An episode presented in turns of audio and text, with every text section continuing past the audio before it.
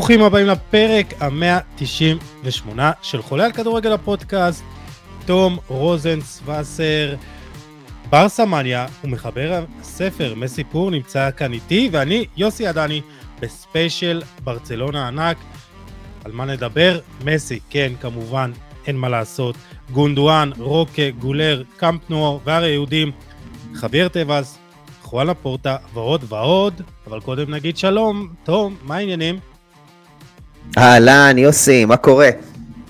מעולה, מעולה. Uh, חשוב להזכיר שאת הפרק הזה אנחנו כבר uh, מנסים לגלגל במשך, uh, בחודש האחרון, ואני שמח שסוף סוף אתה כאן. גם אני שמח להיות פה. אז כמו שאמרתי, יש לנו הרבה על מה לדבר, אבל קודם כל אני רוצה uh, לומר תודה לכל מאזין ומאזינה ששומע את חולה על כדורגל הפודקאסט, זה לא מובן מאליו. ואני חייב לציין שבשבועות האחרונים אה, באמת אה, התוצאות מדהימות, המספרים מדהימים, והפודקאסט נמצא, אפשר לומר בדרך קבע בעשרת הפודקאסטים הספורט המובילים בישראל, וזה ממש לא מובן מאליו. וכמובן תמשיכו לשתף, להאזין, אה, לתייג, חברים, חברות, לשלוח בוואטסאפ, אה, וכמובן לשלוח פידבק, אה, אני תמיד מתייחס לכל, וכמובן לדרג אותנו בספוטיפיי, אפל או בכל אפליקציה אחרת, לעקוב אחרי חולי הכדורגל, פייסבוק, טלגרם, טיק טוק, טוויטר, אינסטגרם, וגם באתר המגזין היפה והמושקע, כדורגל.com. אה, יש שם המון כותבים חדשים ומוכשרים, ויש הרבה מה לכתוב. לקרוא כמובן, ותום, אני חושב שחייב להתחיל מההתחלה, והסיבה ש... בכלל פניתי אליך לפני איזה חודש, זה על מסי, כדי באמת להבין מה קורה, מה הסיפור סביב מסי, ואני, ואני, ודיברתם על זה גם בפודקאסט שלכם בברסה מניה וגם בדף, ואתה גם כתבת על זה, אבל אני חושב שכדי להבין גם את מה שאנחנו הולכים לדבר עליו עכשיו, בפרק הזה, אה, זה להבין בכלל למה מסי בסוף לא חתם, ככה ממש בקצרה, אבל כן חשוב לי לגעת בזה.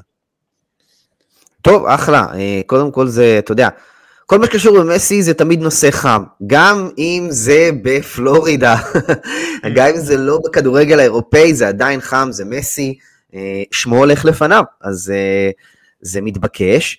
רק שנכניס קצת קונטקסט, בעוד אנחנו מקליטים את הפודקאסט, היום צפויה להיות החתימה הרשמית של מסי במיאמי, וגם החשיפה שלו אה, מגיעה ביום-יומיים הקרובים, והעיר מיאמי כמרקחה. אה, כולם שם מאוד מתרגשים. דיוויד בקאם... גם אלי טביב שם בציפייה. חבל על הזמן, יותר פרטיות מכרגיל. דיוויד בקאם ככה מבלה את הזמן שלו בין ווימבלדון, לציורי קיר במיאמי שהם אה, מעלים אה, עם אה, לאו מסי, ואני אחזור לשאלה שלך בעצם, למה מיאמי? אז קודם כל נבין בעצם מה, מה היו האפשרויות של מסי. האפשרויות של מסי היו בפועל ברצלונה, כמובן. עכשיו נעשה פה איזושהי אתנחתא ונגיד, ברצלונה סבבה, למה לא עוד קבוצות כדורגל אחרות באירופה, אוקיי? כי מסי אמר במפורש, אם אני חוזר לכדורגל האירופאי, אז זה, אם זאת אומרת, אם אני ממשיך בכדורגל האירופאי, זה רק עם ברצלונה. לא מעניין אותי משהו אחר. צריך להבין גם שאחרי שהוא זכה בגביע העולם, הדרייב התחרותי הזה, כמה שזה יישמע הזוי כי זה מסי, יש לו מעט שובע. וזה טבעי, זה אנושי, זה בסדר. אמ, אז, אז האלמנט של התחרותיות אצלו, הוא רצה להביא אותו לידי ביטוי בברצלונה, הוא רצה להשיג עוד משהו עם ברצלונה, לא עם מועדונים אחרים. הוא גם לא כל כך נהנה מהקדנציה שלו בפריז, הוא אמר את זה בראיונות האחרונים שלו, אחד אפילו ממש מאתמול אה, הוא ציין את זה. אה, היה לו לא, לא, לא כל כך נחמד אה, אה, בפריז, אה, אז ברצלונה זו אופציה אחת. אופציה נוספת הייתה ערב הסעודית עם, ה, עם ההצעה המטורפת הזאת שלו, של 600 אה, מיליון יורו שכר לשנה, שכר, אוקיי? זה, תוסיפו על זה כל מיני הסכמי פרסום ו- וחסויות. והשווי המוערך שלו זה 600 מיליון דולר, פלוס מינוס. כן, בקריירה שלו הוא הרוויח איזה 630, אם אני לא טועה, 600, קצת יותר מ-630 מיליון דולר או יורו בקריירה, וזה, זאת אומרת, זה ההון המוערך שלו היום. זה, זה פסיכי, אלה מספרים לא נורמליים. וההצעה הנוספת הייתה ממיאמי, אוקיי? עכשיו, אני עשיתי באיזשהו פוסט מדרוג של בעצם הלבטים שלו והדברים שמשפיעים על ההחלטה שלו, הגורמים שהוא לוקח בידי חשבון, הפקטורים השונים. אז יש, קודם כל, כשזה נוגע ללאו מסי, אה, לאו מסי יש לו את העניין האישי שלו. נתחיל מה, מהדבר שהכי קרוב אליו. הכי קרוב אליו זה ברמה המקצועית, מה הוא רוצה להשיג, וזה כמובן, יש יתרון לברצלונה. אבל, אם זה לא מסתדר עם ברצלונה, אז זה לא מסתדר. עכשיו, יש עוד עניין ברמה האישית שלו, וזה העובדה שהוא רוצה לסגור את זה מהר. הוא לא רוצה להיות תלוי בברצלונה או באף בן אדם אחר בשביל לקבל את ההחלטה שלו. תראה, אנחנו האוהדים של ברסה, היינו בלימבו מטורף. לא רק אנחנו, כל קהילת הכדורגל. זה היה פסיכי. אתה יודע, אנשים, אתה, הוא חותם, הוא לא חותם, זה, זה קורה, הוא מגיע לברסה, הוא לא מגיע לברסה. עדכונים שעתיים, פסיכוזה טוטאלית. עכשיו, גם המשפחה שלו רוצה לדעת איפה הם הולכים להיות בשנה הבאה. הם רוצים לדעת איפה הילדים ילמדו, הם רוצים לדעת איפה הם, אה, אה, אה, איזה חיים הם יקימו ואיפה. אז כמו שאנחנו רצינו מאוד לדעת, גם הוא רצה מאוד לדעת. וללאו מסי יש רגישות, ולמשפחה שלו יש רגישות אחרי מה שקרה בקיץ 2021. אתה זוכר, נכון? כן. אז, אז שמה זה נפל עליו כרעם ביום בהיר. הוא נפגש עם חברים אה, ארגנטינאים שכולם משחקים בפריס סן ג'רמן והוא אמר להם אני חותם מחר ו- וזה לא, זה בסוף הכל התפוצץ. ממש באו והודיעו לו כרעם ביום בהיר משום מקום, אנחנו לא יכולים להכניס אותך בפייר פליי. לא ניכנס לסיבות עכשיו, אה, אה, של המגבלות הקשות של הליגה, הפייר פליי הנוקשה, בעיות אה, עם חוויאר טבעס, אה, אה, נשיא הליגה הספרדית, בגלל האי הסכמה לחתום על ההסכם עם חברת CVC, וכל מיני דברים כאלה, אבל בסוף הם לא יכלו להחתים אותו, זה נפל עליו כ- כהפתעה, זה, זה תפס אותו, ראינו אותו באותה מסיבת אה, עיתונאים שהוא נפרד מברצלונה, הוא בכה עוד לפני שהוא התחיל לדבר ואנחנו בכינו איתו, זה היה קשה, זה היה לו ממש קשה. עכשיו, כמו שזה היה לא קשה, הוא סיפר גם שזה היה קשה לילדים שלו, למשפחה שלו. הילדים בכו, הם היו בטוחים שהם ממשיכים בבתי ספר ועם החברים והכל, וזה לא קרה. אז זה טראומה, זו צלקת. והוא רצה, הוא רצה לחזור לברצלונה, המשפחה שלו רצתה לחזור לברצלונה. אבל הם לא רצו לחזור לברצלונה כשהם יהיו בלימבו כזה, כשהם יהיו בסימן שאלה, האם זה קורה, כן קורה, לא קורה, הם לא רצו את זה. לאו גם הסביר בריאיון שלו, אחרי, כשהוא קיבל את ההחלטה והודיע על זה שהוא עובר למיאמי, שהוא לא רצה לעשות את זה כשברצלונה צריכה לנשל מהסגל שחקנים שכן רוצים להישאר. זה מכניס אותה לאיזשהו סחרור ברמה הפרסונלית במועדון, הפרסונל, אה, אה, אה, מי כן עוזב, מי, מי לא עוזב, דברים כאלה. זאת אומרת, זה יוצר הרבה בלאגן. הוא לא רצה לבוא עם הרבה בלאגן, הוא לא רצה לבוא עם שיהוי. אז זה העניין של הפקטור האישי. לצד הרצון שלו לחזור לברצלונה, היה רצון מאוד גדול גם שזה ייעשה באופן מסוים. כן. האופן הזה לא היה בר מימוש. זה הכל. עכשיו יש גם את העניינים המשפחתיים, אתה יודע, איפה המשפחה שלך תהיה? ערב הסעודית, להיות שם זה משהו אחר למשפחה, בסדר? מיאמי, להיות שם זה משהו אחר למשפחה. יש גם את העניין הכלכלי. אה, ברצלונה לא עם הצעה כל כך מפתה, ערב הסעודית עם ההצעה הכי מפתה שיש, אבל למיאמי יש הצעה מאוד מעניינת, מאוד מעניינת ברמה העסקית עבורו, גם שכר גבוה, וגם שת"פים עם אדידס, עם אפל, עם מותגים בינלאומיים, עם, עם ה-MLS, לקחת שם בעלות על קבוצה בשלב מסוים, זאת אומרת קצת מסלול דיוויד בקאם אבל על סטרואידים אם תרצה. כן. אז אתה יודע, הכל נלקח בחשבון, ובסופו של דבר זה היה הפקטור הראשון שאני אמרתי. העניין האישי, החלטה ללא שיהוי, אה, בלי תלות באדם אחר, ואני עכשיו, מה שאני אומר, זה לא עניין של דעה, אני ממש מצוטט את מה שהוא אמר. נכון, וזה מתקשר לראיון של חואן לפורטה אתמול, שאתם העליתם תרגום שלו אה, אצלכם אה, בערוץ ובדף, שהוא אמר שקצב של הצדדים היה שונה.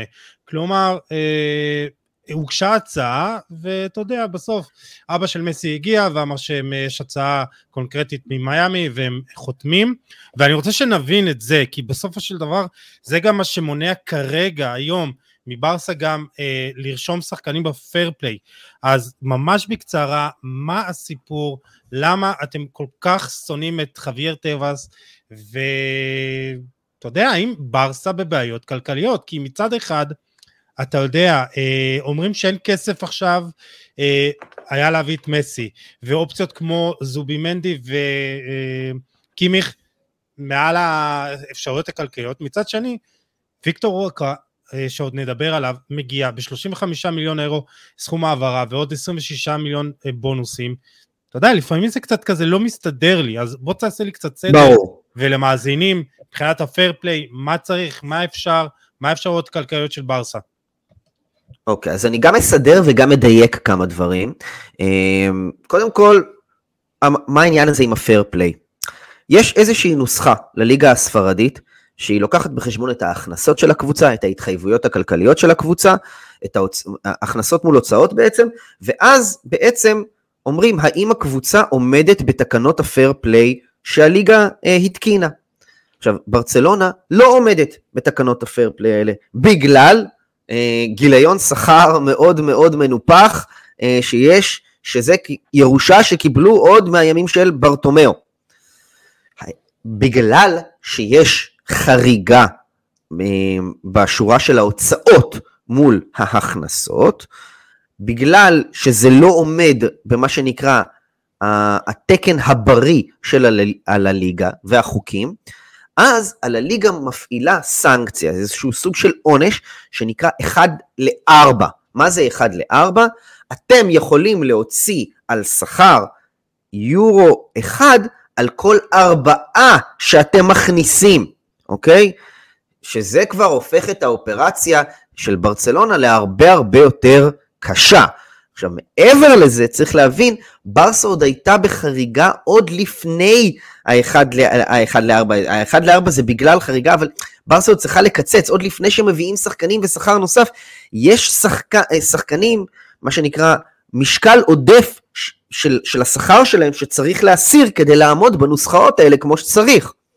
אם זה לנגלה, אם זה אומטיטי, שברוך שפטרנו בעניין הזה. כן. אה, אה, אם זה סרג'יניו דסט עכשיו שעדיין אין, אין, אין לו פתרון, קויאדו שעכשיו מסתמר, מסתמן שיהיה לו פתרון, אבל שחקנים שגם קיבלו דחיות שכר וקיבלו חוז, חוזים מנופחים עם, עם, עם פריסות של השכר שלהם לשנים קדימה, כי היה את הקורונה וזה הביא למהלכים מפוקפקים כאלו של ברטומיאו שנייה לפני שהוא אה, מתפטר. אז, אז לברצלונה יש את הבעיות הכלכליות האלה ברמת שכר. עכשיו, מאיפה יש כסף להביא שחקנים? מאיפה בכלל מדברים על שחקנים אחרים? צריך לעשות את ההבחנה הברורה בין אה, אה, רכש שלברצלונה יש את האפשרות עכשיו להביא את ויטור רוקה אה, אה, ב-30 פלוס אה, 20 במשתנים או מה שזה לא יהיה, כי את הכסף הזה יש.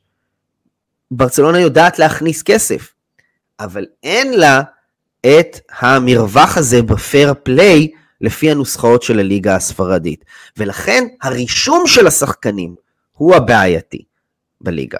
זה גם תקף גם כלפי, כלפי גונדואן וגם בטח כלפי מסי ושחקנים אחרים. פה הבעיה. כן, ו- ויש לציין שאתה יודע, המהלכים גם של בוסקץ ו- ואלבה, אה, ברצלונה כבר חתכה סכום עצום במשכורות נכון, שלהם. נכון, נכון. הכל חלק, הכל חלק מתוכנית הישימות שברצלונה הגישה לליגה, היא הגישה לליגה תוכנית ישימות כדי לראות האם אפשר יהיה להביא את לאו מסי. תוכנית הישימות הזאת היא כל, אומרת, אוקיי, אנחנו מכירים בזה שיש לנו חריגות שכר, אנחנו מכירים בזה שאנחנו לא עומדים בפייר פליי, בהתאם לחוקי פייר פליי שאתם אומרים, אנחנו מתכננים לעשות קיצוצים, אנחנו מתכננים להעזיב את... אה, אה, להוריד מתקציב השכר שלנו ככה וככה, אנחנו מתכננים למכור שחקנים, האם זה יאפשר לנו לרשום את לאו מסי? על הליגה אחרי השתהות מטורפת שגם עלתה בהבאה של לאו מסי בכל הסיפור הזה, בסוף אמרה אוקיי בסדר, אז אה, אה, האוקיי בסדר הזה הגיע, אבל עוד פעם, עם פערים בזמן בין מה שלאו מסי רצה למה שבסוף אה, אה, אה, קרה, ו... אה,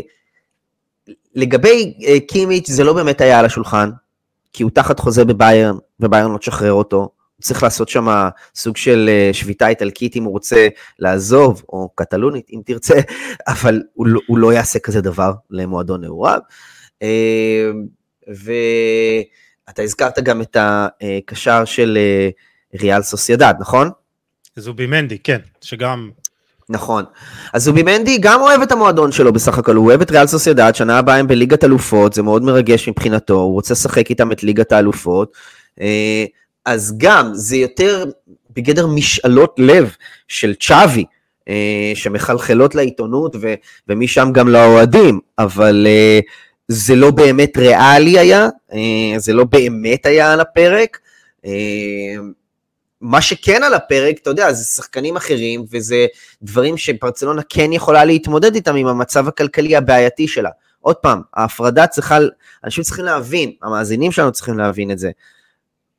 יש את עניין ההכנסות של הקבוצה והרכישות, שיש כסף לזה, אוקיי? אה, ויש את העניין של עמידה ברישום של הפייר פליי של הליגה הספרדית. שם ברצלונה בבעיה עקב חוזים מנופחים ש... אה, את הקבוצה עוד אה, מתקופת הנשיא הקודם. אז בוא נסכם את זה במשפט שניים.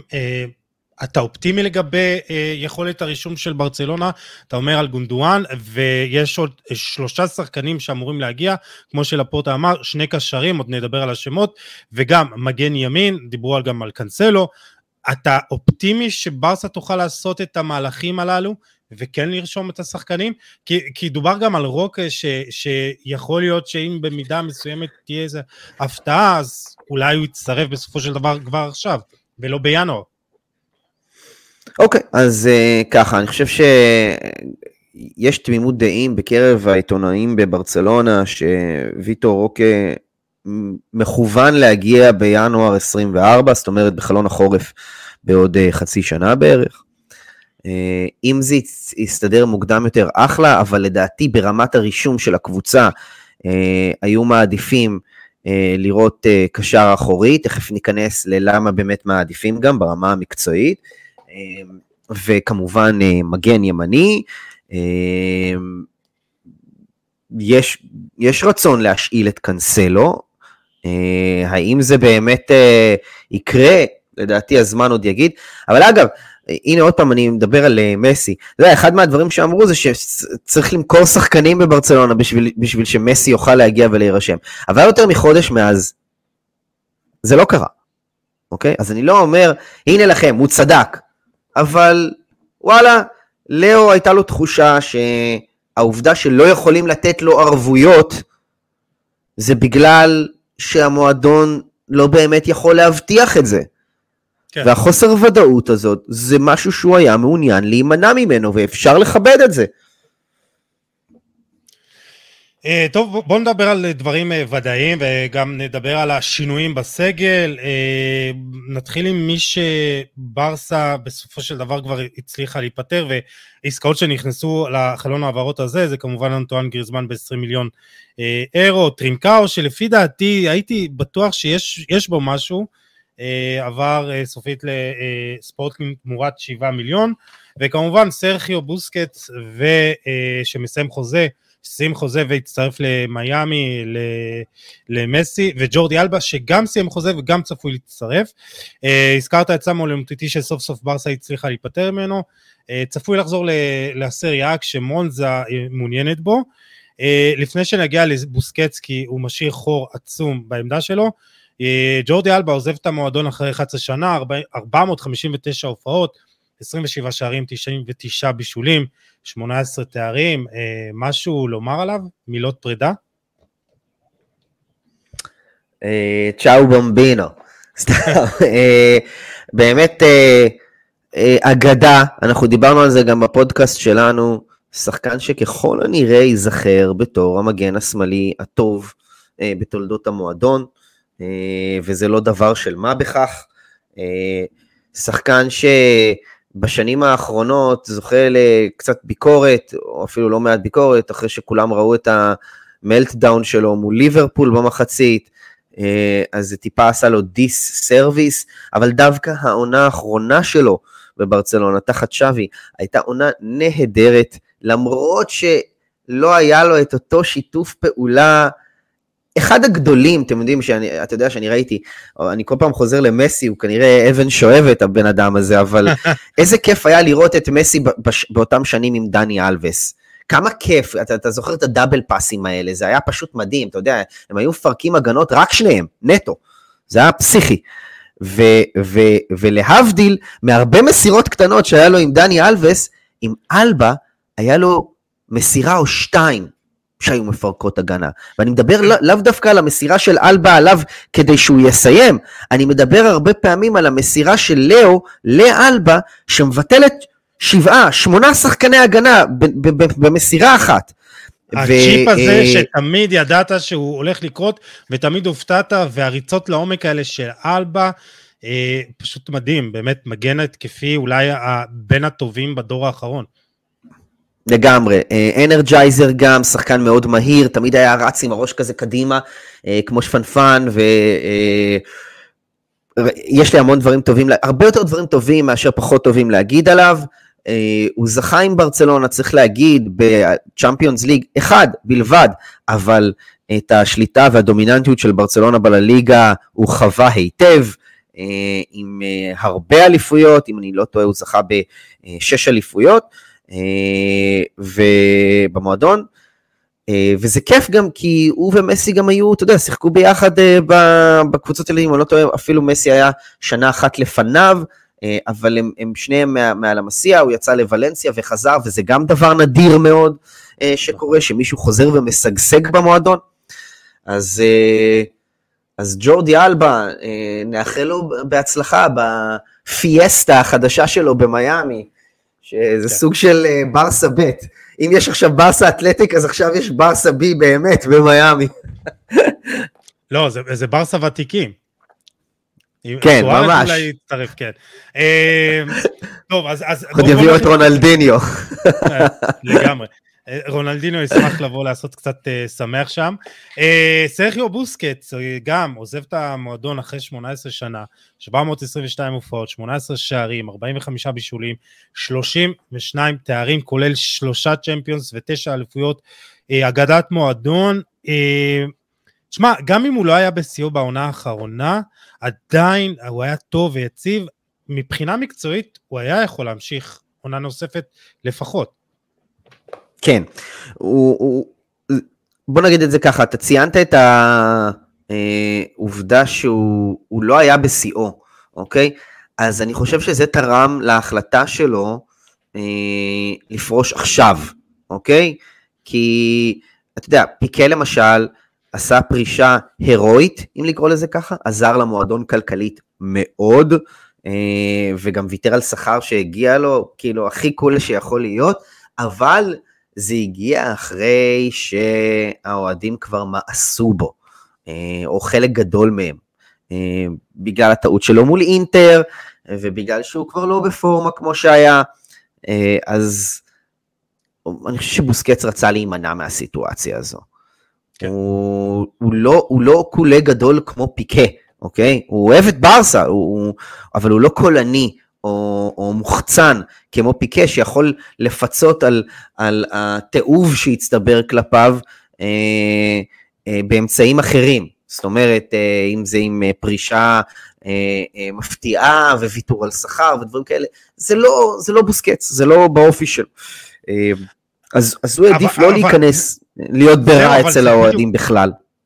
אבל זה בדיוק מה שמאפיין אותו. כאילו, אני תמיד הולך עם השלוש מילים שאני חושב שמגדירות אותו בצורה הכי טובה, זה class באפס מאמץ.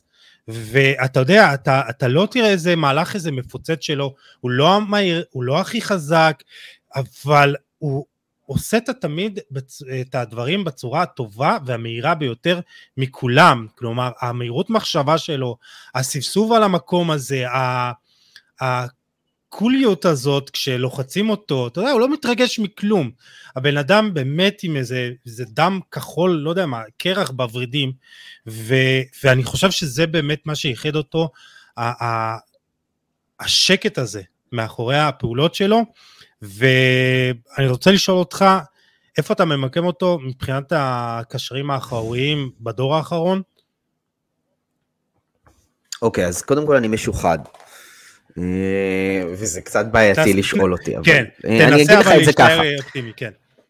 אז, אז, אז אתה יודע, ת, ת, אם אנחנו מדברים על קשרים אחוריים גדולים אה, בדור האחרון, אז מן הסתם, אתה יודע, יש השוואה מול היריבה הנצחית, מול קסמירו של ריאל מדריד. עכשיו, אני חושב שההשוואה הזאת היא מעניינת, כי, אה, אתה יודע, שניהם זכו בהמון תארים, אה, אבל, וצריך להגיד את זה, לבוסקץ יש עוד הצלחה פנומנלית גם עם נבחרת ספרד. אה, וזה משהו שאין כל כך לקסמירו. אז אני חושב שכן צריך לקחת את זה בחשבון כשמסתכלים על הכל. עוד דבר שצריך לקחת בחשבון, אגב, ואני אני מתמקד בשניהם כי אני חושב שהם היו הקשרים האחוריים היותר אה, טובים של אה, העשור האחרון. אה, יש, יש קשרים אחוריים טובים אחרים, כמובן, אתה יודע, אתה יכול להגיד גם את אנגולו קנטה, קשר אחורי מופלא, מצוין, אבל אני לא חושב שאנגולו קנטה חווה פיק ארוך כל כך כמו השניים האלו, אוקיי? לאנגולו קנטה היה מונדיאל נפלא ב-2018 ועונות טובות עם צ'לסי, אבל אם אתה מסתכל על הספן של ה... של השיא שלו, או, או, או תקופה, שנים שבהן הוא היה פנומן, אז אתה יכול להגיד חמש, שש שנים גג שהוא היה בטופ של הקשרים האחוריים בעולם. קסמירו ו...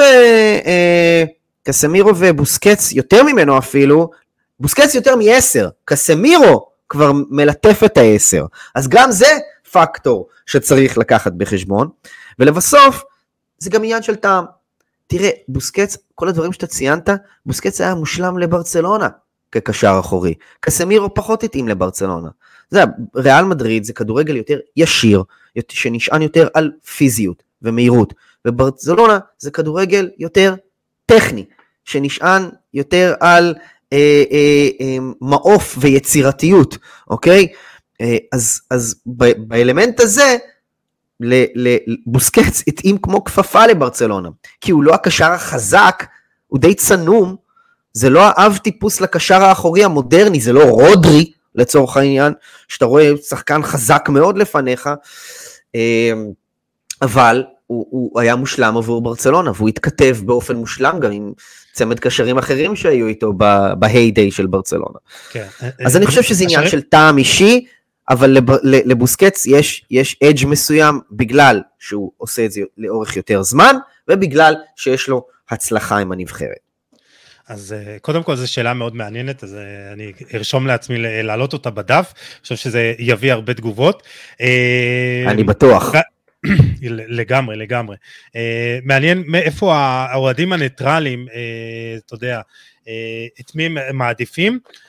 ואני חושב שאם, אתה יודע, אלבה עזב, אז אתה יודע, זה עדיין, הוא נתן את התרומה שלו, אבל בלדה תפס את המקום של המגן השמאלי הפותח בהרכב. כן. בוסקץ משאיר חור עצום, הוא היה הקשר האחורי הפותח, ואתה יודע, למרות שלברסה יש חוליית קישור מאוד מאוד איכותית, אין אף אחד שש אמיתי. גונדואן ודיונג בהחלט יכולים לשחק שם, אבל הם מעדיפים בעמדה קדמית יותר, ובנוסף אליהם יש לנו את פדרי גבי, קסיה, שאתה יודע, היו מעדיפים, אני חושב... אני לא יודע אם יש לנו. כן, מה? אני לא יודע אם יש את קסיה באמת, זהו, זה הנטייה היא לעשות עליו קצת כסף, גם להוריד אותו מה, מהתקציב שכר, ואגב, בדיוק. מכירה שלו יכולה להוביל לרישום של כל מי שחפצים בו. אז אני מאוד מקווה שתצליחו למכור אותו. יש את טורה ואת ניקו גונזלס שחוזר מהשלב, ואת אריק גרסיה, שגם התנסה בעמדה הזאת, אבל אף אחד באמת לא, מהם לא ממלא את שווי, ועל פי הדיווחים... את בוסקץ. כן, את ש... כן, אה? לא, לא ממלאים את, את צ'אבי בראש, אני מתכוון. אה, לא, לא מספקים את צ'אבי בתור כן, קשרים כן. אחוריים, כן. וכמו שאמרתי, היה דיבורים או חלומות על קימיך וזובימנדי, והשם הכי חם, ואולי גם הכי ריאלי כרגע, הוא אוריאל רומאו, קשר ג'ירונה, ולפני שאני אתן לך את הרשות לדבר עליו, חשוב לזכור, רומאו גדל באספניול והגיע לברסה בגיל 12, הוא הגיע עד לבוגרים אה, של ברצלונה ואף רשם שתי הופעות, עד שנמכר לצ'לסי אה, בקיץ 11 תמורת 4.6 מיליון אירו. אה, במשך שתי עונות בסטמפורד ברידג' הוא ערך רק 33 הופעות, ובקיץ 13 הוא התחיל במסע השאלות, שנה לוולנסיה, שנה לשטוטגרט, עד שהגיע לסאות'מפטון בקיץ 2015, הוא שחק שם שבע עונות, 256 הופעות, שמונה שערים ושישה בישולים. אה, ובקיץ שעבר הוא עבר לג'ירונה תמורת 5.5 מיליון אירו, שיחק שם 34 משחקים וכבש שני שערים. עכשיו, למרות שדקו לא כל כך התלהב, צ'אבי מאוד אוהב את רומאו, ומבחינתו רואה את אה, בו כשחקן אה, המחליף הישיר לבוסקץ, הוא מצפה שרומאו ייכנס להרכב, והוא מאמין שהוא יכול לשחק תפקיד חשוב. עכשיו, אנקדוטה מעניינת, תקשיב, אוריאל בוסקץ, גם קשר אחורי שגדל בברסה חולק את השם הפרטי עם רומאו ואת השם המשפחתי עם סרחיו, אבל הוא לא משפחה של סרחיו. אה, אז אוריאל בוסקץ הוא אחד השחקנים שהכי דומים לו מבחינה סטטיסטית. אה, ולמרות שהמספרים של אוריאל רומאו אה, פחות טובים מבוסקץ, הוא די דומה לו בסגנון המשחק. ומה שאני חושב שצ'אבי מאוד אוהב ברומאו, שהוא גם חזק גבוה ומתקל, משוגע כזה, אבל הוא בעיקר לא נרתע מלחץ, הוא מאוד שקט עם הכדור, ואני חושב שהוא בונה עליו כ- כאופציה המשתלמת ביותר, אתה יודע, מבחינת הנסיבות. אה, אחלה, אתה יודע, אחלה גיבוי כרגע ב- בעמדה הזאת. אוקיי, אז קודם כל, אה, אחלה אה, תקציר ככה נתת עליו. תראה, אני לא, לא יודע להגיד לך אם צ'אבי משתגע עליו. אבל אני חושב שצ'אבי מבין שבנסיבות הנוכחיות אה, הוא יכול להיות בסדר עבור ברצלונה. צריך גם לזכור את עניין הגיל, הוא לא ילד, בסדר? הוא בן 32. כן. כן. כן אה, וזה לא ילד בכלל. אה, אגב, הסיבה שהוא לא המשיך בברצלונה זה מתוך הבנה שהמשבצת הזאת מאוישת על ידי מי שהוא אמור להחליף עכשיו. כן. זה בוסקץ. אז איך גלגל מסתובב לו, אמ, והוא, יש לו, יש לו חוזקות, שהוא גם גדל אה, אה, בלמסיה, והוא מכיר את הסגנון של ברצלונה, אז זאת אומרת, לא צריך, אתה יודע, להטמיע את השורשים ואת היסודות, כי הם שם. אה, יש לו חוזקות מסוימות ש, שנדרשות מקשר אחורי בברצלונה, הוא יודע לייצר, גם, הוא יודע גם לספוג לחץ, והוא יודע גם לייצר כדורים ששוברים קווי הגנה, מה שנקרא through balls. אה, הוא יודע לעשות את הדברים האלה, זה אח... אלה חלק מהחוזקות שלו.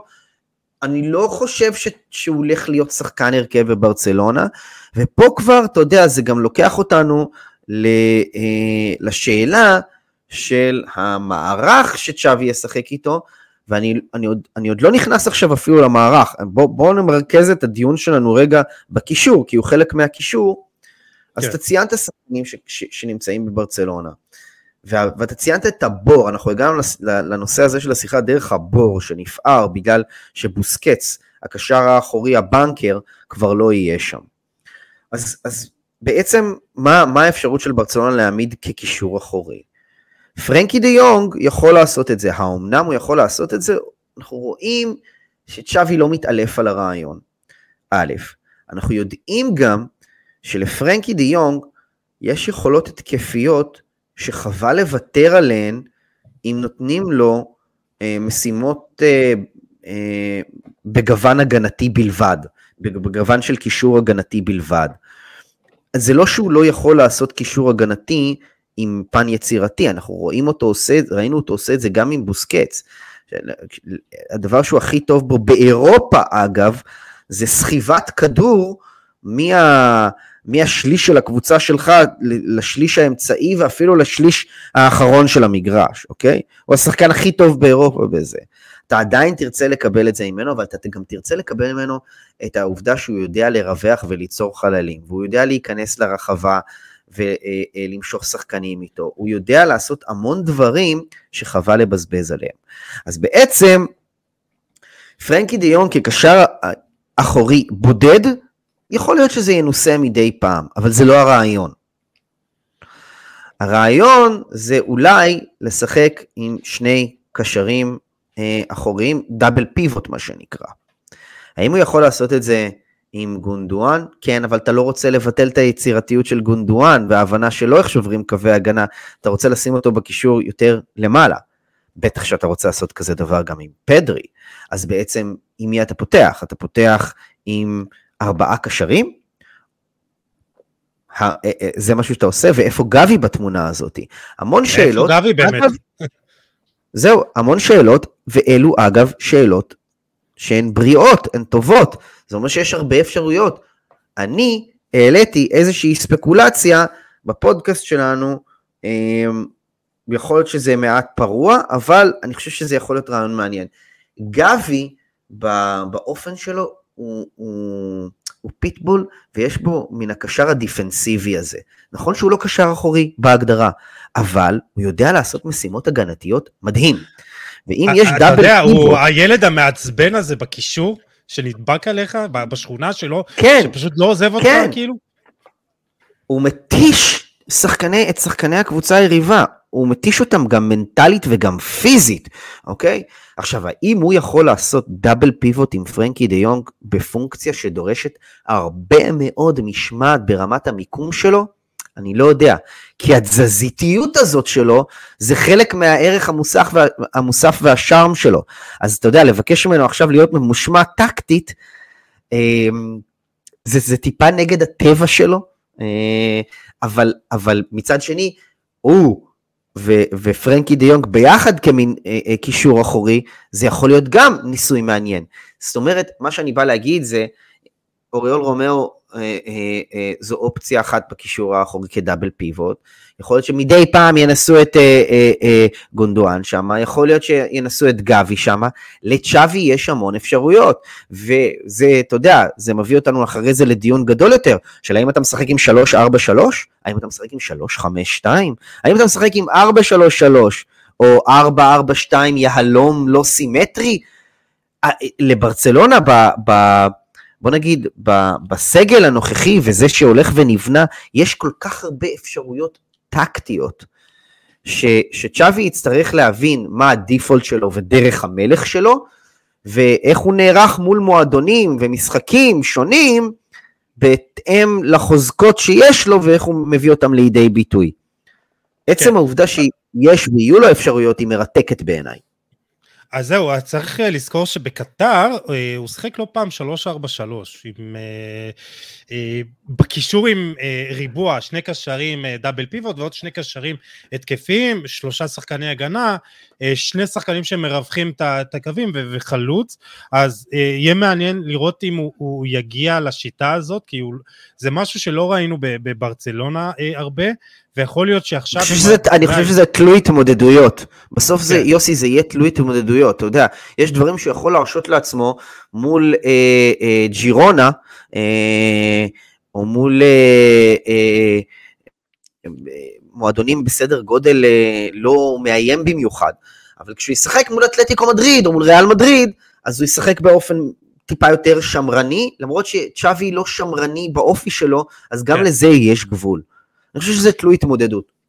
Uh, כמו שאמרתי, לפורטה אמר שחסרים שני קשרים, והשם של הקשר השני שעלה לאחרונה זה ג'ובאני לוסלסו, קשר uh, uh, טוטנאם, uh, קשר שמונה, מאוד דינמי, גם יצירתי, כזה שיכול להיכנס uh, לתוך החווה, לתת מספרים, אז יכול להיות שבאופן מסוים הם יצליחו גם להיפטר מקסיה, אולי לוסלסו הוא קצת uh, קשר יותר... Uh, יותר שמתאים לסגנון המשחק וגם יותר יצירתי.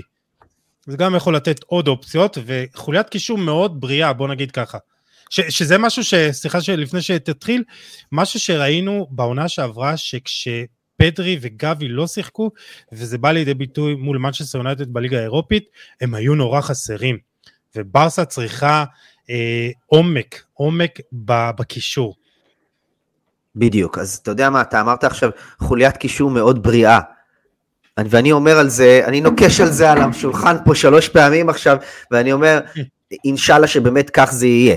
כי הגעה של אה, ג'ובאני לוצלסו זה, עם, זה, זה כבקאפ לשחקנים כמו פדרי, או כמו גונדואן, שחלילה אם אחד מהם נפצע, אז, אז יש לך עדיין את, את האלמנט היצירתי הזה, ש, השחקנים האלה הם השחקנים שצ'אבי ופפ, אגב, גם אני באופן אישי, הכי אוהב לראות.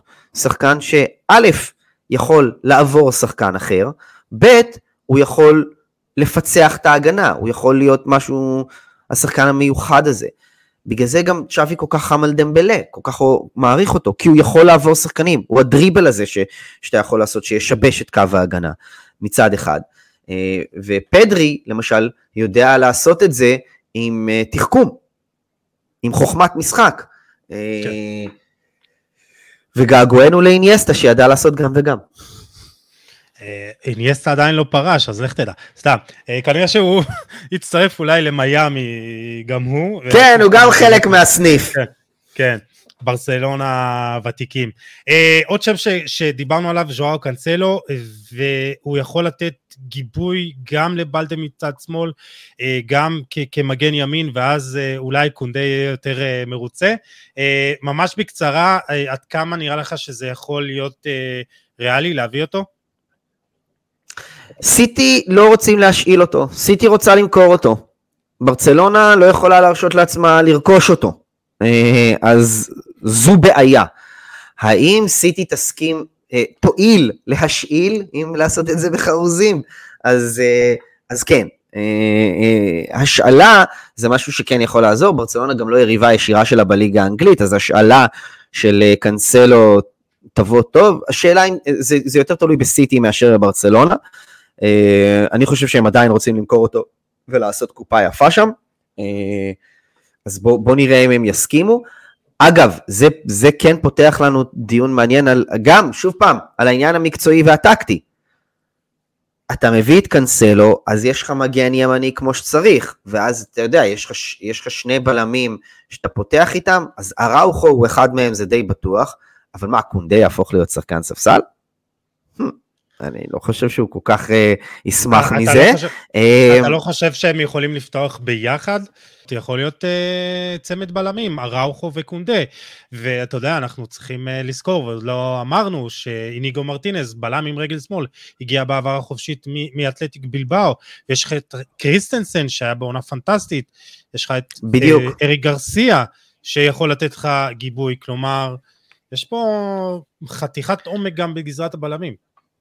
נכון, אני לא חושב שאריק, אני לא נראה לי לפחות שאריק יישאר במועדון, יש דיבור על השאלה שם, אני לא יודע אם יצליחו למכור אותו ויקבלו עליו הרבה כסף, אה, אבל אה, איניגו מרטינז אה, שהגיע מאתלטיק בלבאו, גם סביב הגיל של אוריול רומאו, הוא נועד להיות בלם מחליף במועדון. אני חושב ש, ש, שלצ'אבי בהגנה, יש את אותן שאלות שיש לו בקישור, אה, ובהמשך אנחנו נגיע גם להתקפה, וגם שם יש שאלות, אלו שאלות בריאות, ובשביל זה יש מחנה אימונים, בשביל זה יש אה, לאט לאט את התקופה הזאת של הגישושים בתחילת העונה, שנבנית ההיררכיה המקצועית במועדון והעדפות שלו. קונדה אני לא חושב שהוא מתועדף כבלם על פני קריסטנסן.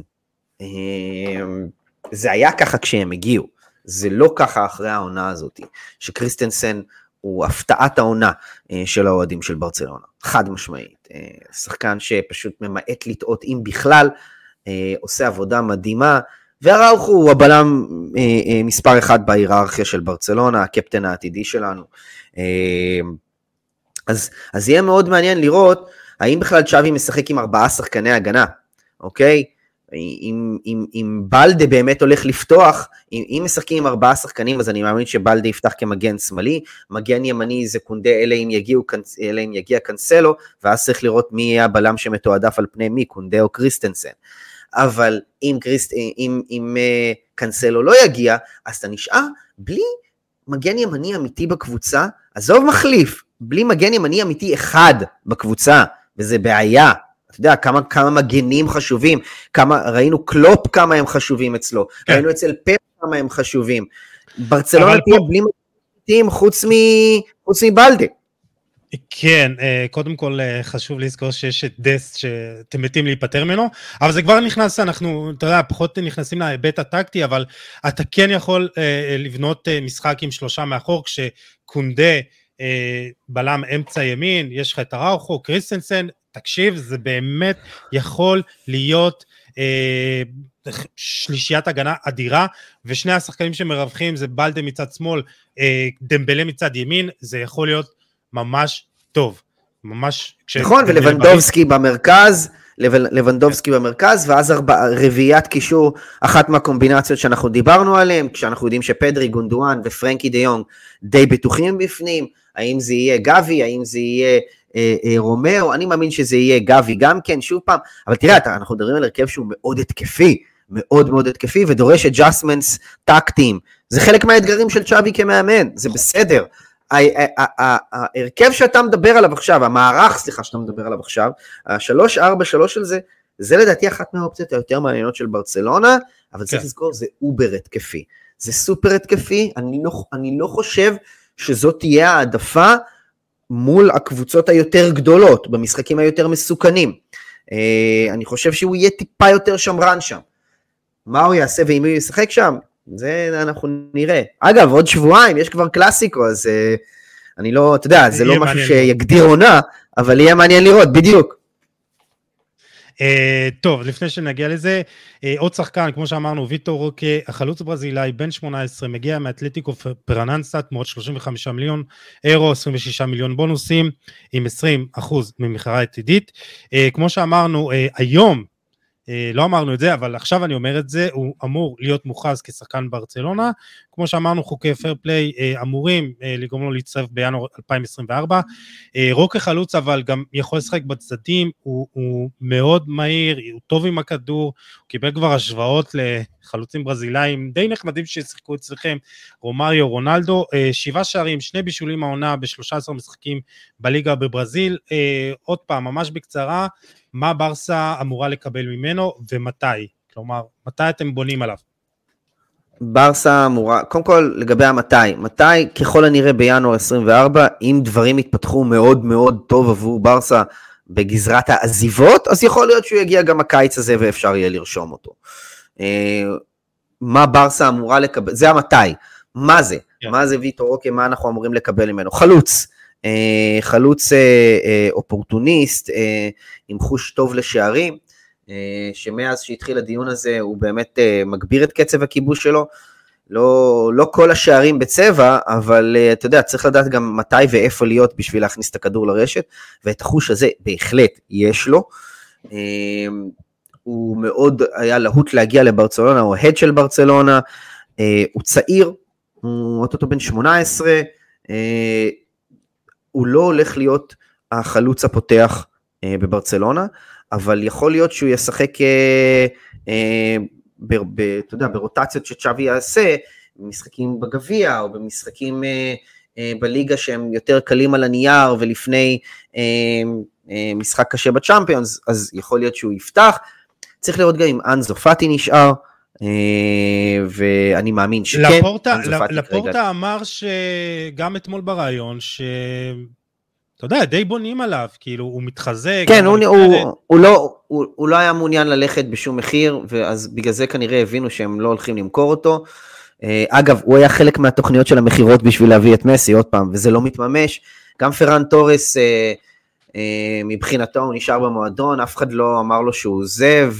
אה, קשה מאוד uh, לראות uh, איך uh, פרן טורז מתרומם, נתנו לו מספיק זמן בשביל לעשות את זה, אבל זה לא קורה. מצפים מוויטור אוכל להיות המרענן הרשמי בהתקפה, אתה יודע, לעשות את מה שקיוו שפאטי יעשה עונה שעברה ולא קרה, רוצים לראות את זה ממנו, רוצים לראות ממנו גולים, רוצים בקאפ ללבנדובסקי, אתה יודע, מה קורה אם לבנדובסקי נפצע? מי בחוד שלך? הוא אמור כן. להיות בחוד, זה מה שאתה מצפה לקבל ממנו. שאלה אחרונה לגבי פאטי, אני בדעה, ואני מאוד מקווה שאני טועה, שיהיה לו מאוד קשה לחזור לכושר שאפיין אותו לפני הפציעות, הוא עבר פציעות נורא קשות, השיקום גם לא היה אה, מקסימלי ואופטימלי. אתה מאמין שהוא עוד יכול לחזור ליכולת שלו לפני הפציעות? שאלה מעולה. אה, אני אגיד לך ככה, האם הוא יכול? הוא יכול. האם זה יקרה? אני בספק אם הוא יחזור לאותה יכולת כמו לפני הפציעות. אבל גם אם הוא יחזור, יוסי, ב-80% ממה שהוא היה, זה אחלה. כי לפני הפציעות, אתה זוכר היטב, היה מדובר בשחקן שאתה פשוט אמרת וואו, וואו הילד הזה, וואו. בגיל כל כך צעיר, לכבוש כל כך הרבה, ולא מהזדמנויות מובהקות כל אחת, בעיטה מחוץ לרחבה, נגיחה מאמצע הרחבה, שערים ימין, מגוונים, שמאל, קילר, כן. killer instinct מטורף. גם אם הוא יחזור ב-80% מהיכולת הזאת, זה, זה שחקן שיהיה נכס עבור המועדון. אני חושב שהוא צריך גם להשיל את המספר 10 מהגב שלו. אה, זה יכול להיות גם יעזור לו.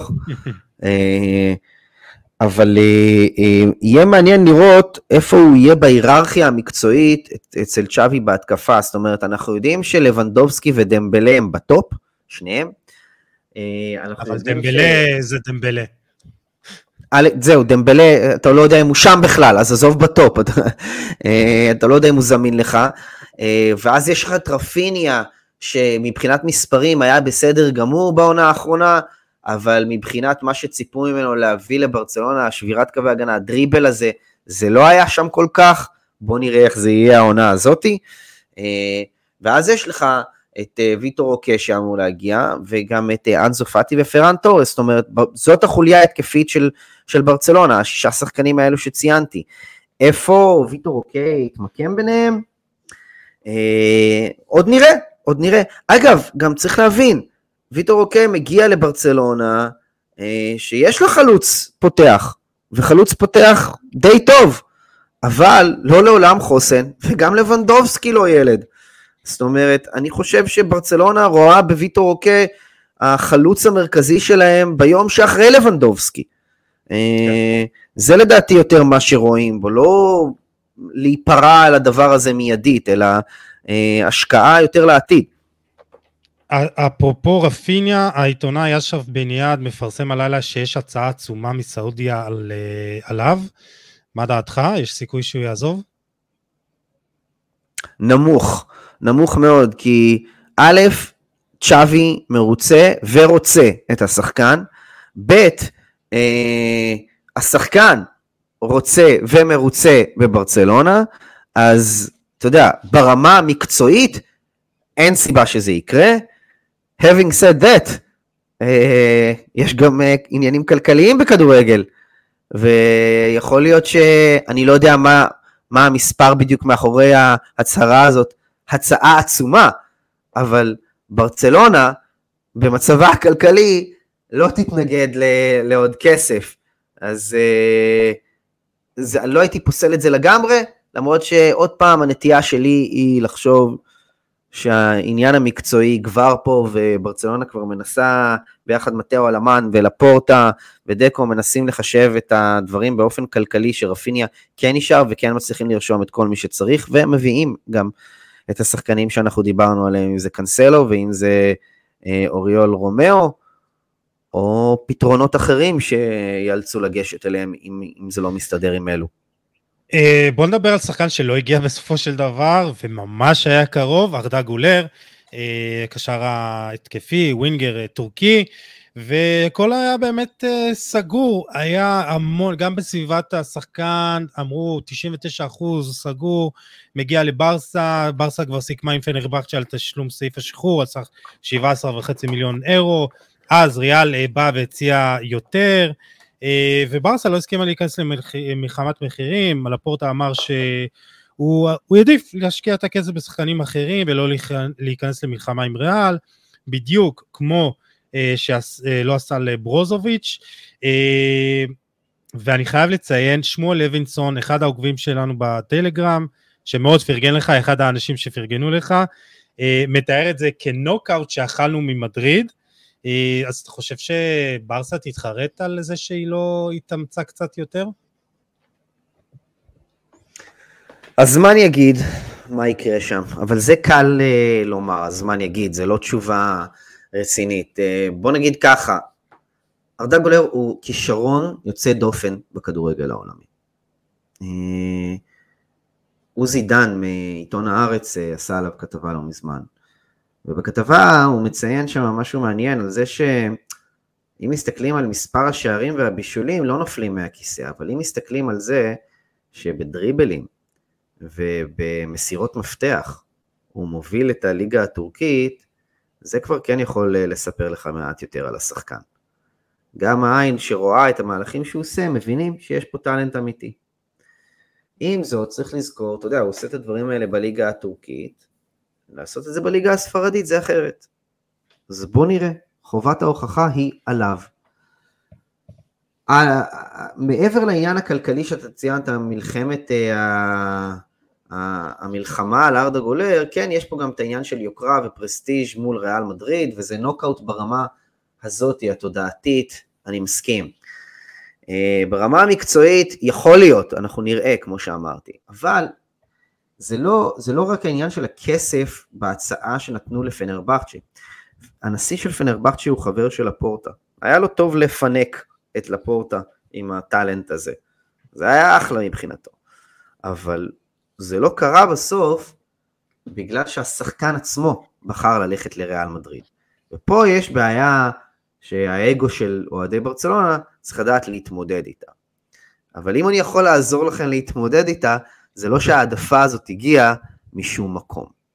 ההעדפה הזאת הגיעה לא בגלל שהוא מעדיף את ריאל מדריד והוא מעריץ את קריסטיאנו ואת גוטי ו- ואת uh, uh, זידן וכולנו ראינו שהוא אפילו לא עוקב אחריהם באינסטגרם ואחרי מי הוא כן עוקב, מסי. בסדר, זה לא הגיע משם. זה, זה מס שפתיים שהוא נאלץ להגיד כשהוא חתם בריאל מדריד. אוקיי? זה חלק מהחבילה, חבילת uh, מדיה שאתה מקבל, אתה אומר את זה, אתה אומר את זה, אתה לא אוהב את זה, אתה לא אוהב את זה, ככה זה. זה הסיבה שהוא העדיף את ריאל מדריד uh, היא שתיים, שתי סיבות. אחת, בריאל הציעו לו דקות העונה. ואם אתה אומר שהקישור של ברצלונה אה, אה, עשיר וכבד בשחקנים טובים, אני לא רואה איך הקישור של ריאל, שאנחנו מדברים על צ'ואמני, וקמבינגה, וקרוס, ומודריץ', ובילינגהם שהגיע עכשיו, ודני סביוס שנמצא שם, אני לא רואה איך, אה, וולברדה שלא אמרתי, אני לא רואה איך גולר זוכה להרבה דקות בקישור כל כך עשיר ומעובה. אבל ריאל ידע להבטיח לו את זה. אז בוא נראה, אולי הוא ייקח דקות על חשבון לוקה מודריץ', אולי כמה וינגה וצ'ואמני אה, אה, וולברדה, כולם ייסגו בדקות שלהם מפניו כדי שהוא כן יקבל את הדקות הללו. יכול להיות. בוא נראה. חשוב... אבל עצם העובדה שריאל מדריד הציעו לו דקות, ופנר, ו, ו, ו, וברצלונה אמרה שהיא משאילה אותו לברצלונה, לפנרבכצ'ה שיישאר שם העונה, זה סיבה מקצועית שהוא בחר בריאל. מעבר כן. לזה יש גם את הסיבה הכלכלית, שקיקר של 20 מיליון יורו מענק חתימה שנתנו לאבא שלו, שזה גם, אתה יודע, עוזר למשפחה. אז, אה, אז זה לא שההעדפה שלו לריאל מדריד הייתה בגלל הסמל של ריאל מדריד וקיומה ארץ לא, זה לא זה. זה סיבות יותר רציונליות. טוב, אה, חשוב לזכור שגולר אה, שיחק במרבית הדקות גם באגף ימין, בכנף, אז זו עמדה שאם בריאל תשחק בשיטה כזאת, 4-3-3, אז הוא יכול לתפוס את, כנף ימין. אה, ואם אנחנו כבר עסקינן בריאל, אה, קיץ אה, די מוצלח, היא מביאה ג'וד בלינגהם 103 מיליון אירו. סאגת קיליאן אמבפה מסרבת להסתיים, אבל הכל יכול לקרות וגם הוא יכול להגיע. אתה יודע, במידה ואמבפה הגיע, גל כהן, עוד עוקב בטלגרם, שואל, אה, ברסה יכולה להתמודד ראש בראש אה, מול אה, ריאל בליגה? במידה בפנקר? אז אני רוצה להגיד, אז אני, אז אני אענה לזה. שיגיע כבר לריאל, בסדר? הנה, אתה שומע את זה מיועד ברצלונה. שיגיע כבר לריאל מדריד ויגאל אותנו מהסאגה המעצבנת הזאתי, אוקיי? אגב, אני חושב אולי הוא מרוויח כסף על, בונו, על, על, על uh, קיקר על הנאמנות שלו, יש לו סעיף נאמנות מול פריס סן ג'רמן, אבל הוא מפסיד הרבה יותר מזה, וזה לא בן אדם שחסר לו כסף, אני חושב שהוא פשוט uh, הופך את כל העניין הזה למאוס, ואת עצמו למאוס קיליאן אמבפה, uh, uh, בגלל כל הדבר הזה. לך לריאל, יאללה, ת, ת, קדימה, תעשה את זה. אפילו לאו מסי אמר לו לעשות את זה. Uh, אז... Uh, האם ברצלונה יכולה להתמודד עם אמבפה בריאל? לדעתי כן. אה, אני לא מפחד, אני חושב שגם, אה, ואולי אולי אני אצטער על כל מה שאני אומר עכשיו בפודקאסט, אבל הנה אני אתן לך אה, אמת קצת רומנטית. תראה, יש פה חזרה לשור, לשורשים של שני המועדונים הללו. ריאל זה מועדון שהזהות שלו היא, אנחנו נקנה את השחקנים הכי טובים. ברצלונה זה מועדון שהזהות שלו היא, אנחנו נייצר את הכדורגל הכי טוב. בסדר? אז זה לא שברצלונה לא קונה, וזה לא שריאל לא מייצרת, אבל אלה האתוסים של המועדון, של המועדונים הללו. וברצלונה עכשיו, אה, אה, בעונה האחרונה, ייצרה כדורגל טוב עם דברים שנשענים על הבית. קודם כל עם מאמן שהגיע מהבית, ומעבר לזה, עם שחקנים כמו אראוכו, אה, גבי, ושחקנים שמתכתבים עם הזהות המקצועית של המועדון, כמו פרנקי דה יונג ופדרי, שהביאו אותו גם כן בגיל מאוד צעיר, אז, אז זאת אומרת, יש תחושה של מהבית, זה מהבית אה, בברצלונה. וריאל אימפריאליסטית וגלקטית, כמו שהיא תמיד אה, הייתה, ותהיה. ואני אוהב את הדו-קרב הזה בתור אוהד ברצלונה. אני אוהב לבוא ביתי ו, אה, ולעשות מניטות כשנשענים על שחקנים מהבית ל, ל, אה, מול האימפריות ה, ה, ה, הלבנות האלה. ראינו מה קרה ב-2011 וב-2009 השחקנים שלנו מהבית, הקטנים, הטכניים, עם, עם, עם מאמנים שלנו מהבית, אה, אה, עושים בית ספר אה, לשחקני העולם הגדול שמתכנסים בריאל מדריד. אני לא יודע אם זה יקרה עוד פעם, אני חושב שאמבפה אה, ברמה המקצועית יהווה challenge רציני, אבל אמבפה טיפה גם עולה על, על ויניסיוס, על המשבצת שלו. אמבפה הוא לא, הוא יכול לשחק חלוץ מרכזי, אני לא אומר שלא, הוא בטח שהוא יכול לעשות את זה, גם בנזמה עכשיו לא שם, אז התפנה ה slot. זה לא, זה, בהחלט בגד, במסוגלות שלו, אבל הוא יותר חזק כווינגר, אה, אה, ימין, סליחה, כווינגר בצד שמאל, שיכול לרוץ ולשרוף את הקו, וזה ויניסיוס. מאייש את העמדה הזאת. אז עוד פעם, זה צרות של השירים, הוא יכול לשחק כחלוץ, אבל אתה יודע, ארדה גולר, אתה אומר, יודע לשחק גם כווינגר בצד ימין, אבל מה עם רודריגו? רודריגו מה, לא ישחק? רודריגו, אותו רודריגו שקבע שערים מכריעים בליגת אלופות ועשה קסמים, אה, אה, אה, ויש לו אה, אה, אחלה התכתבות עם, עם, עם ויניסיוס, והם משחקים כדורגל טוב ביחד, אז הוא לא ישחק? לא יודע, לא יודע. אני חושב שיותר אה, אה, מדי, זה יכול להיות, uh, להתגלות אצל ריאל מדריד כעלייה וקוץ בה. זה מה שאני אומר, ואתה יודע, בכדורגל ובכלל בחיים, הרבה פעמים אנחנו אומרים, less is more. אז uh, אני חושב שאפשר לבוא קטן ולצאת גדול, אפשר לעשות דברים בצניעות, אנחנו לא מתחרים מול ריאל במגרש הכלכלי, אנחנו לא שם. מועדי ברצלונה צריכים להפנים את זה, אנחנו לא שם. אין לנו את היכולת הזאת. כשלפורטה אומר, אני לא רציתי להיכנס למלחמת תמחור, יש סיבה טובה מאוד שהוא לא רצה להיכנס למלחמה, אה, מלחמת תמחור מול ריאל מדריד, כי הוא יודע שהוא לא יכול לעמוד בה. אז, אז אה. אני מאמין גדול בלנצח עם מה שיש, ועם מה שיש להם, גם עם זה נתמודד.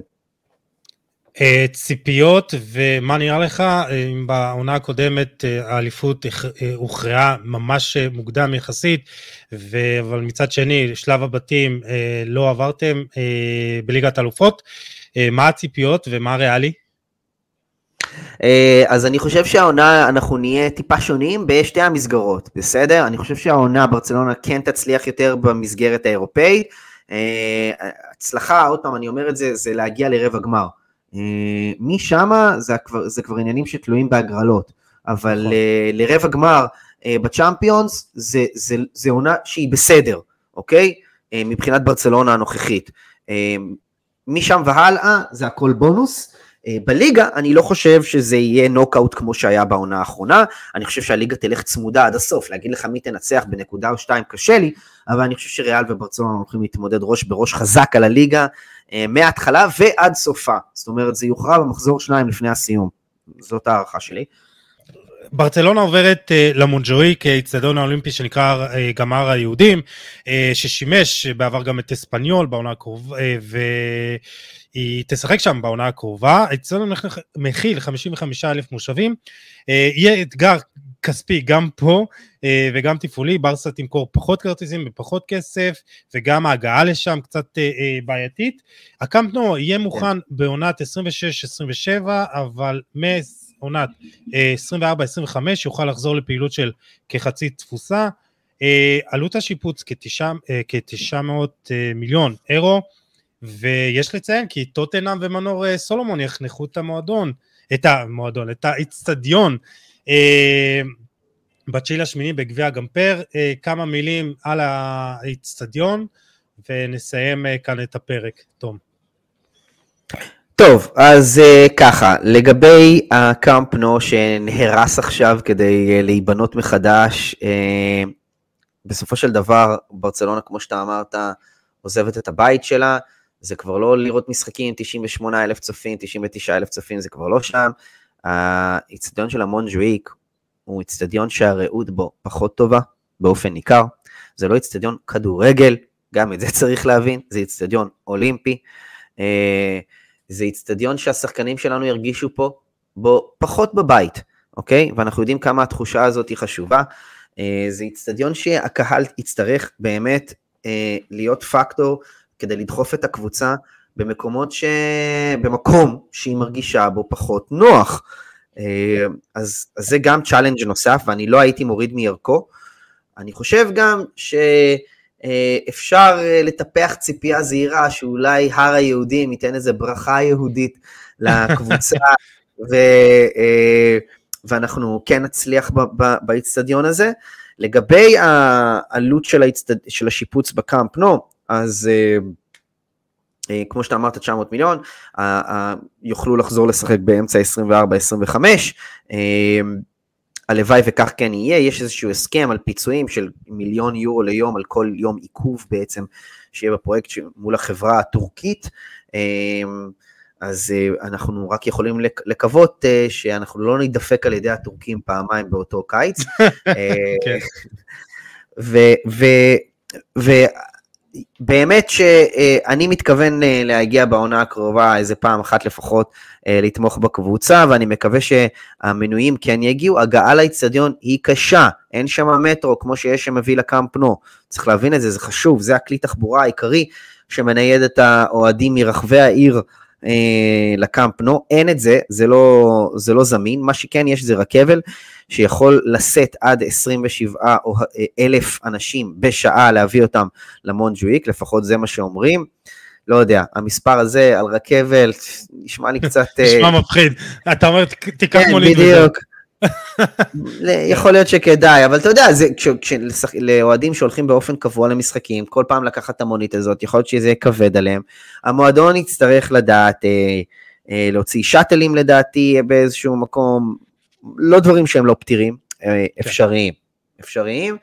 אה, רק באמת, מה שחשוב זה שהשחקנים אה, אה, לא ייתנו למשחק באיצטדיון הזה, להוריד מהפרפורמנס שלהם.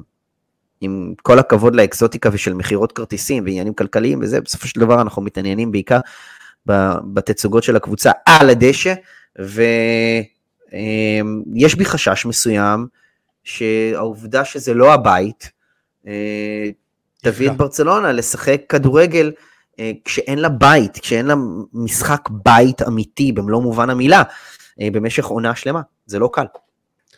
Uh, בהחלט לא קל, וגביע גמפר, כמו שאמרנו בתשיעי לשמיני, היריבה בהתחלה דובר על לאציו, ומלאציו עברנו לטוטנאם, הקבוצה היהודית, עם שחקן יהודי בקבוצה, אז יהיה מעניין, אתה מחכה לזה? אני אומר לך, כל העניין היהודי הזה, uh, uh, קבוצה יהודית, הכל מתחבר. לאציו, אגב, לאציו, לאציו אגב קבוצה קצת פחות יהודית. זהו, זה מה שאני אומר, זה כאילו מהקבוצה הכי לא יהודית, מהקבוצה הכי לא יהודית לקבוצה היהודית של, אתה יודע, חוץ מאקס, נראה לי כן. הקבוצה הכי יהודית באירופה. כן. נכון, לגמרי. אה, אז, אה, אז אה, קודם כל, אגב, ברכות גדולות מאוד מפה למנור סולומון, איזה, איזה גאווה, איזה כיף. לגמרי. אני מקווה מאוד שהוא יזכה לדקות. זה לא קל בטוטנאם, אבל אם, אם הוא יזרח שם, אז אתה יודע, זה הבמה המרכזית. ושם אנחנו נהנה מזיו הכדורגל שלו באופן המיטבי, כי זו באמת הבמה המרכזית, והלוואי וכך יהיה. Uh, טוב, לא, לא הספקנו לדבר על עוד צעדים כלכליים נוספים, על uh, מכירת uh, שם לקבוצה מקטר, על כך שאולי קבוצת אנשים של ברצלונה תשחק שם, היה גם uh, דיבור על uh, מכירת פיסות מהדשא תמורת יהלומים, מה שיכניס 30 מיליון אירו בזה. היית קונה פיסה מהדשא? ברצלונה מנסה, ברצלונה מנסה, אגב, אתה מדבר עם בן אדם ששיחק על הדשא של ברצלונה. אני הייתי כן. חלק מאלה שנסעו מבר סמניה ושיחקנו בקמפ נו, חוויה מטורפת. כן. Uh, באמת, אחד מהימים היפים בחיי. Uh, ברצלונה מנסה להשיג כסף מן הגורן ומן היקב, מה שנקרא. ואני לא יודע עוד, עוד לאן זה ייקח מפה, אבל uh, um, יכול להיות שעסקה אחת נכונה עם הקטרים, לפורטה גם דיבר על זה ברעיון האחרון שלו, uh, יכולה לסגור הרבה מאוד פינות. אז במקום... כן. אה, אתה יודע, להתפזר על הרבה מאמצים קטנים שיכולים להביא מיליון פה, מיליון שם, ואני לא מזלזל במיליון, זה הרבה כסף, פשוט כשמדברים על מועדוני כדורגל צריך קצת יותר. יכול להיות שכדאי באמת לתפור את העסקה הגדולה הזאת, אה, שתביא שקט כלכלי. כי זה כן. בעיקר מה שחסר לברצלונה, בשביל לצאת אה, לעונות הבאות, עם, עם עם, עם השקט הזה ש, שצ'אבי וה, והצוות המקצועי צריכים, שאפשר להביא את השחקנים שצריך, אה, ואין לחץ ואפשר גם לרשום אותם, ובואו נקווה שאלה שכן ירשמו, יירשמו העונה, אה, ייתנו אימפקט חיובי. אה, לגמרי, טוב, אני, אני נסיים פה, וככה, רצינו להרחיב קצת יותר, אבל נראה לי שהרחבנו במקומות הנכונים, והעברנו את הנקודה המרכזית מבחינתי, שהברסה לא ענייה, יש לה אפשרויות כלכליות, אה, אתה יודע, זה תהליך שקורה ושבסופו של דבר בשנה, שנתיים הקרובות דברים יתאזנו ויש לה כסף לקצת יותר משקית שוקו, אתה יודע, הבדיחות הרגילות האלה של, של אוהדים. אני מאוד מקווה שהצלחנו להעביר את הנקודה הזאת. אה, בעזרתך אני חושב שעשינו את זה די, די טוב, בוא נגיד ככה. טוב, זה ניתן למאזינים להחליט, אבל אני נהניתי מאוד. תודיעו לנו אם הצלחנו לשכנע אתכם שהמצב של ברצלונה לא כזה רע.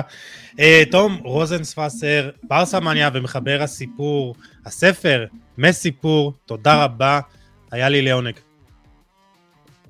תודה יוסי, בכיף. ויסקה ברסה. אה, ויסקה ברסה, ותודה לכם מאזינים ומאזינות שהייתם איתנו, אתם מוזמנים לשתף, לתייג ולהאיר את עינינו. אה, ניפגש בפרק הבא עם עוד תוכן מעניין ואיכותי, תשמעו על עצמכם, יאללה, ביי.